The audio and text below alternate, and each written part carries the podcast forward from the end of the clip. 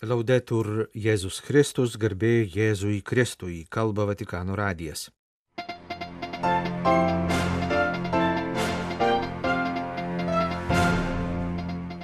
Vatikano medijų vyriausiojo redaktoriaus komentaras paskelbus dokumentą dėl palaiminimų teikimo tos pačios lyties poroms.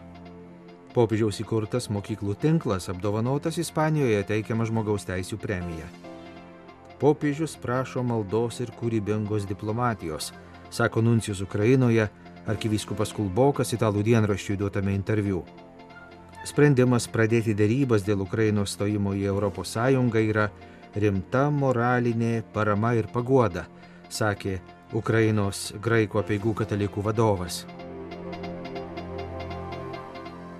Šventojo sosto komunikacijos dikasterijos redakcijų direktorius Andrėja Tornelli paskelbė tekstą, kuriame komentuoja tikėjimo mokymo dikasterijos deklaraciją fiducija supplicans dėl palaiminimų pastoracinės reikšmės. Pasak jo, kalbant apie šį dokumentą, reikia atsiminti esminį žmogaus tikėjimo ir santykio su Kristumi bruožą - malonės veikimo pirmumą. Niekas negali ateiti pas mane, jei mane pasiuntęs tėvas jo nepatraukė, sako Jėzus. Perfrazuodamas šiuos žodžius, šventasis Augustinas tvirtino, Nemo venit nisi traktus, niekas neteina pas Jėzų, jei jis jo į save nepatraukia. Tai ta pati trauka, apie kurią kalbėjo ir Benediktas XVI, primindamas, kad tikėjimo plitimo ištakose visada yra malonės veikimas. Būtent dėl to bažnyčios ganytojai negali būti abejingi žmonėms, kurie nuoširdžiai prašo palaiminimo, kad ir kokia būtų jų būklė - istorija ar gyvenimo kelias. Nevalia gesinti rusenančios ugnies širdyse tų, kurie jaučia, kad jiems reikia gailestingumo ir pagalbos iš aukštybių. Pasak Tornėlį, gavęs tokį palaiminimo prašymą iš žmogaus, kurio gyvenimo pasirinkimai prasilenkia su bažnyčios mokymu, ganytojas turi matyti tarsi plyšį sienoje, mažyti plyšelį, pro kurį jau gali veikti malonė. Todėl jo pirmas rūpestis turėtų būti ne uždaryti to mažyčio plyšio, o priimti prašantį žmogų, melstį jam Dievo palaiminimo ir gailestingumo, kad tas žmogus galėtų pradėti suprasti Dievo planą jo gyvenimui. Pasak Vatikano medijų vyriausiojo redaktoriaus, Būtent tokia pamatinė nuostata remiasi tikėjimo mokymo dikasterijos deklaracija fiducija supplikans dėl palaiminimų, kuri atveria galimybę laiminti nereguliarias poras, net tos pačios lyties poras, aiškiai nurodant, kad palaiminimas šiuo atveju nereiškia pritarimo jų gyvenimo pasirinkimams ir pakartojant, kad reikia vengti bet kokių ritualų ar kitų elementų galinčių bent iš tolo mėgdžioti santoką. Deklaracijos kilmė yra evangelinė. Evangelijoje yra daug puslapių, kuriuose pasakojama, kaip Jėzus laužo griežtas religinės tradicijas ir nurodymus, tariamą respektabilumą, socialinės konvencijas. Savo žodžiais ir veiksmais jis piktina manančiuosius apie save, kad žino visą tiesą, save laikančius tyrais, tuos, kurie iš normų ir taisyklių susikuria skydą, kad atbaidytų, atmestų, užtrenktų duris. Evangelijos puslapiuose matome, kaip rašto aiškintojai mėgina klastingais klausimais paspęsti mokytojų pinklės, kaip pasipiktinę murmą matydami jo laisvę ir gailestingumą. Šitas priima nusidėlius ir su jais valgo. Jėzus sutiko nueiti pas Kafarnaumo šimtininką ir pagydyti jo tarną, nesijaudindamas, kad susiteps įeidamas į pagonio namus. Jis leido nusidėliai nuplauti jam kojas, nepaisydamas smerkiančių ir niekinančių žvilgsnių. Jis gailestingai pažvelgė į medin įkopusį muitininką Zachiejų, pakalbino jį, nereikalaudamas, kad jis prieš tai atsiverstų. Jis nepasmerkė svetimautojos, kuri pagal įstatymą galėjo būti užmėtyta akmenimis, bet nuginklavo bausmę vykdyti pasirengusiųjų rankas, primindamas jiems, kad ir jie yra nusidėjėliai. Jis sakė, kad atėjo ne pas sveikuosius, bet pas sergančiuosius. Ir palygino save su ganytoju, kuris ryštasi palikti 99 avis be priežiūros ir eiti ieškoti vienos pasiklydusios. Jis savo rankomis lietė raupsuotuosius ir juos gydė. Visi šie atstumtieji savo žvilgsniu sutikę jo žvilgsnį jautėsi mylimi, sulaukę gailestingumo be jokių iš ankstinių sąlygų. Supratę, kad yra mylimi ir kad jiems atleista, jie suvokė, kas jie iš tiesų yra. Vargšai nusidėjėliai, kuriems, kaip visiems, reikia atsivertimo ir gailestingumo. Andrėja Turnėlį primena popiežiaus pranciškaus kalbą 2015 metais pasakytą naujiesiems kardinolams. Jėzui svarbiausia yra pasiekti ir išgelbėti toli esančius, išgydyti ligonių žaizdas, visus įtraukti į Dievo šeimą. Ir tai kažkodėl kai kam kelia papiktinimą. Tačiau Jėzus tokio papiktinimo nebijo. Jis nepaiso uždarų žmonių, kuriuos piktina netgi gydimas, kuriuos piktina bet koks atsivertimas, bet koks žingsnis netitinkantis jų mąstymo schemų, bet koks švelnumas netitinkantis jų įpročių ir ritualinio grinumo. Komunikacijos dikasterijos redakcijų direktorius primena, kad tikėjimo mokymo dikasterijos deklaracijoje, kuria leidžiama laiminti tos pačios lyties poras, taip pat aiškiai pabrėžiama, kad lieka nepakitęs katalikų bažnyčios mokymas apie šeimą ir santoką, kurią gali sudaryti tik vyras ir moteris. Todėl reikia vengti pripažinti santuoką tai, kas nėra santuoka. Tačiau žvelgiant iš pastoracinės perspektyvos, nedėra užtrenkti durų nereguliariai porai. Atėjusiai paprašyti paprasto palaiminimo, galbūt apsilankiusiai šventovėje ar pilgriminės kelionės metu. Tornelį primena žydų istoriko ir teologo Klodo Montefiore įžvalgą. Kitos religijos kalba apie žmogų ieškantį Dievo, o krikščionybė skelbia Dievą, kuris ieško žmogaus. Jėzus moko, kad Dievas nelaukia, kol nusidėjėlis ims atgailauti, bet pirmas eina jau ieškoti, pakviesti jį pas save. Neužtrenktos durys, nedidelis palaiminimas gali būti pradžia, galimybė, pagalba. Baigė savo komentarą Šventojo Sosto komunikacijos dikasterijos redakcijų direktorius. Skolas okurentės popiežiaus pranciškaus įkurtam tarptautiniam mokyklų sąjūdžiui paskirta Sevilijos universiteto premija už žmogaus teisų apsaugą. Premijos skirimu atkreiptas dėmesys į skolas okurentės darbą viso pasaulio jaunimo žmogaus teisų srityje bei konkretūs ir novatoriški metodai siekiant užtikrinti, kad kiekvienas vaikas ar jaunuolis galėtų džiaugtis prasmingu gyvenimu ir jį kurti. Sąjūdis nuo pat įsikūrimo per tarptautinio mokyklų tinklo edukacinės iniciatyvas stengiasi padėti spręsti jaunimui kasdien iškylančias problemas susijusias su piknaudžiavimu, patyčiomis, korupcija ir išnaudojimu. Pasak skolas okurentės pirmininko Jose Marija del Corallo, Sąjūdis pelnė Sevilijos universiteto premiją už prasmingo gyvenimo kaip žmogaus teisės, kurios negalima pažeisti gynimą. Sevilijos universiteto premija už žmogaus teisų gynimą skiriama kas dviejus metus asmenims ar institucijoms pasižymėjusiems žmogaus teisų gynimu politinėje, socialinėje ir edukacinėje srityse. Premijos laureatai lygi šiol buvo garsūs ispanai politikai ir Ispanijos karalienė Sofija. Sevilijos universitetas yra viena iš seniausių akademinių institucijų Ispanijoje.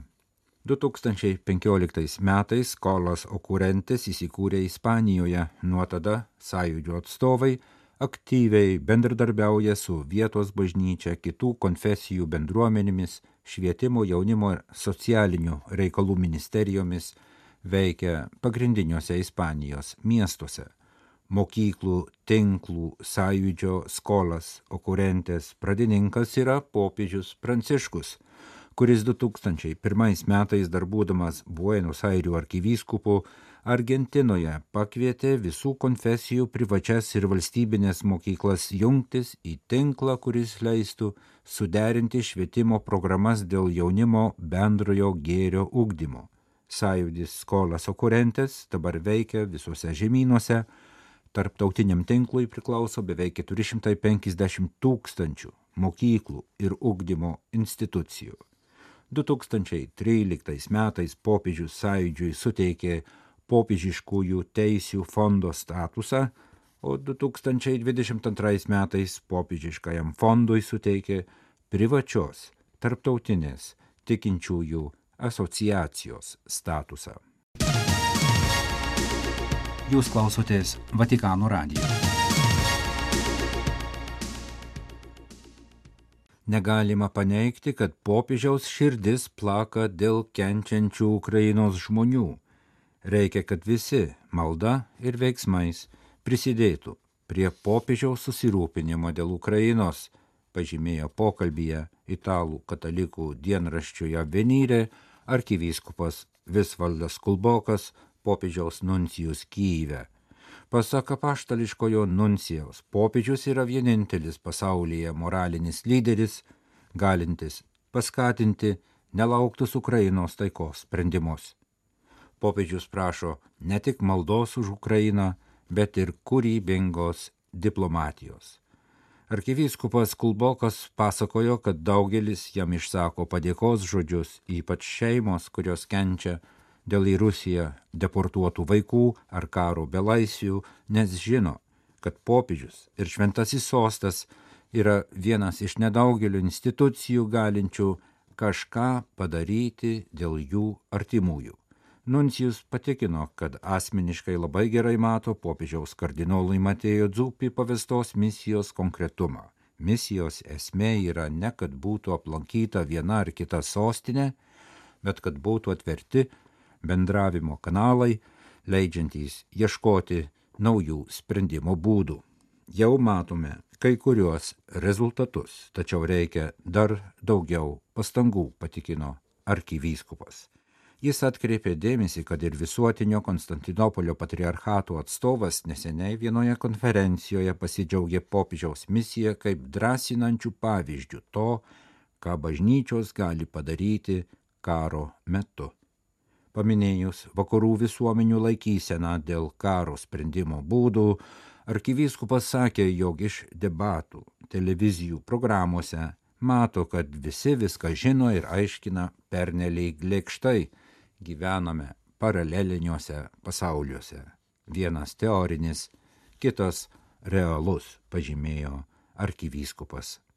Pasak jo, Jėzus yra taikos ir teisingumo kunigaikštis, todėl negalime laukti, kad santarvė būtų vien tik politikos darbo vaisius. Tai nereiškia, kad turime nustoti siekti taikos.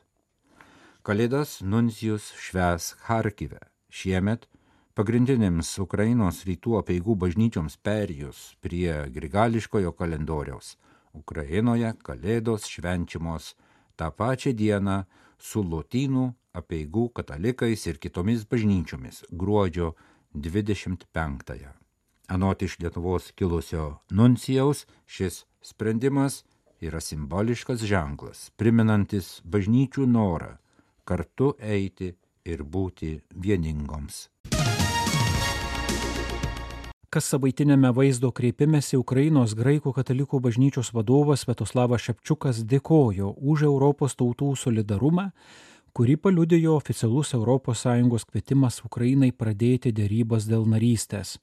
Tai gaivus oro gurkšnis tuo metu, kai visą kraštą gniuždo karas, taip pat ir ten, kur nešvilpia kulkos. Karo pasiekmes yra visų ukrainiečių protose ir širdise.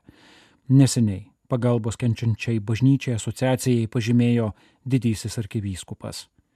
Kas savaitinėme vaizdo pranešime ukrainiečių ganytojas kalbėjo apie 96-osios karo savaitės įvykius. Užpolikas spaudžia visoje fronto linijoje, žemė dega nepaisant sniego ir šalčio. Miestų ir kaimų gyventojai toliau terrorizuojami nuotoliniu ataku, ramių naktų nedaug, kiekvieną savaitę dešimtis civilių yra sužeidžiami arba žūva. Bet geležinė ukrainiečių valia būti laisviems išlieka. Norime, kad pasaulis mus girdėtų. Ukraina priešinasi, Ukraina kovoja, Ukraina meldžiasi, sakė didysis arkivyskupas Svetoslavas Šepčiukas. Ir tęsė. Šią savaitę mus pasiekė gera žinia iš ES, kad pagaliau pradedamos dėrybos dėl Ukrainos prisijungimo prie Europos tautų šeimos. Ukrainos visuomenė išvarginta ir nualinta į karo katastrofos buvo labai svarbu pajusti Europos šalių solidarumą. Akivaizdu, kad iki mūsų tautos europinės svajonės išsipildymo dar ilgas kelias, tačiau atvertus duris šiandien mums yra didelė moralinė parama ir pagoda, kad kovoje už laisvę ukrainiečiai nėra palikti vieni su už mus stipresnė agresorė Rusija. Esame dėkingi Europos tautoms už jų solidarumą. Pasak ukrainiečio ganytojo apie šį guodžiantį solidarumą jis taip pat dažnai girdi iš diasporos biskupų, daugybė žmonių įvairiuose kraštuose. Karą Ukrainos žemėje išgyvena tarsi savojoje.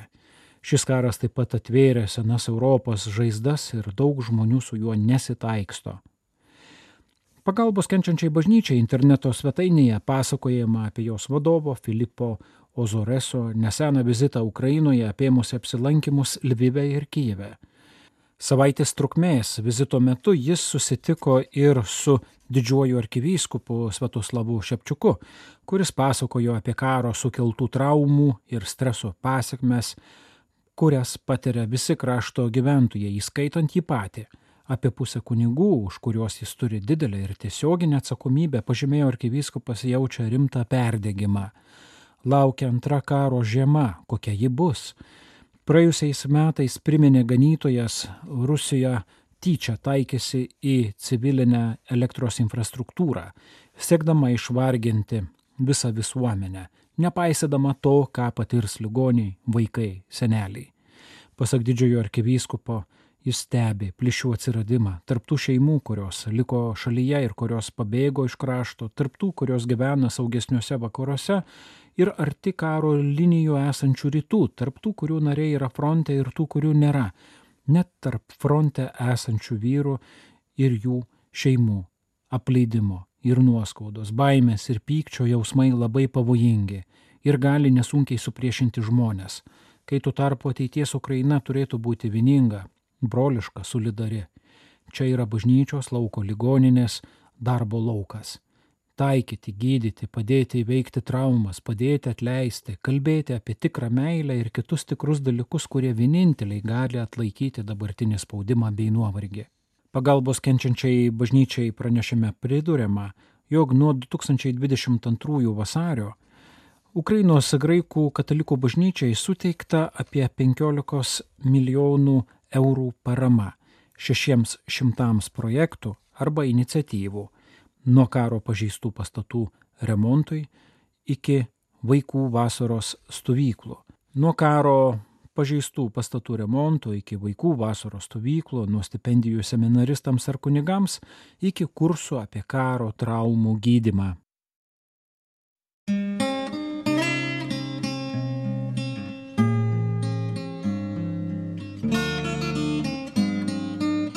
Kalba Vatikano radijas. Laidą lietuvių kalba baigėme.